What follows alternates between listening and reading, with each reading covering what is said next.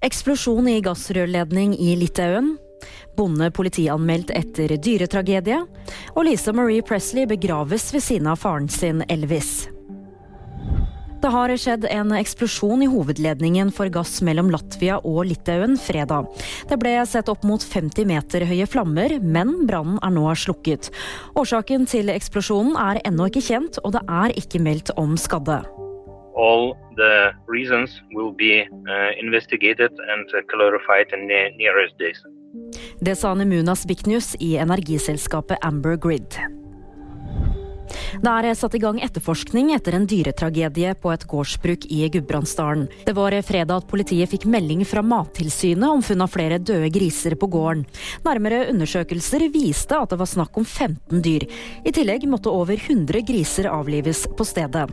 Politiet omtaler hendelsen som en dyretragedie, og bonden er nå anmeldt.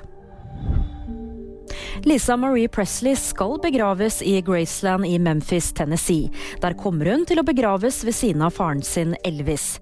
54-åringen døde torsdag etter å ha blitt hasteinnlagt på sykehus pga. det som skal ha vært en hjertestans. Det var VG nyheter, og de fikk du av meg, Julie Tran.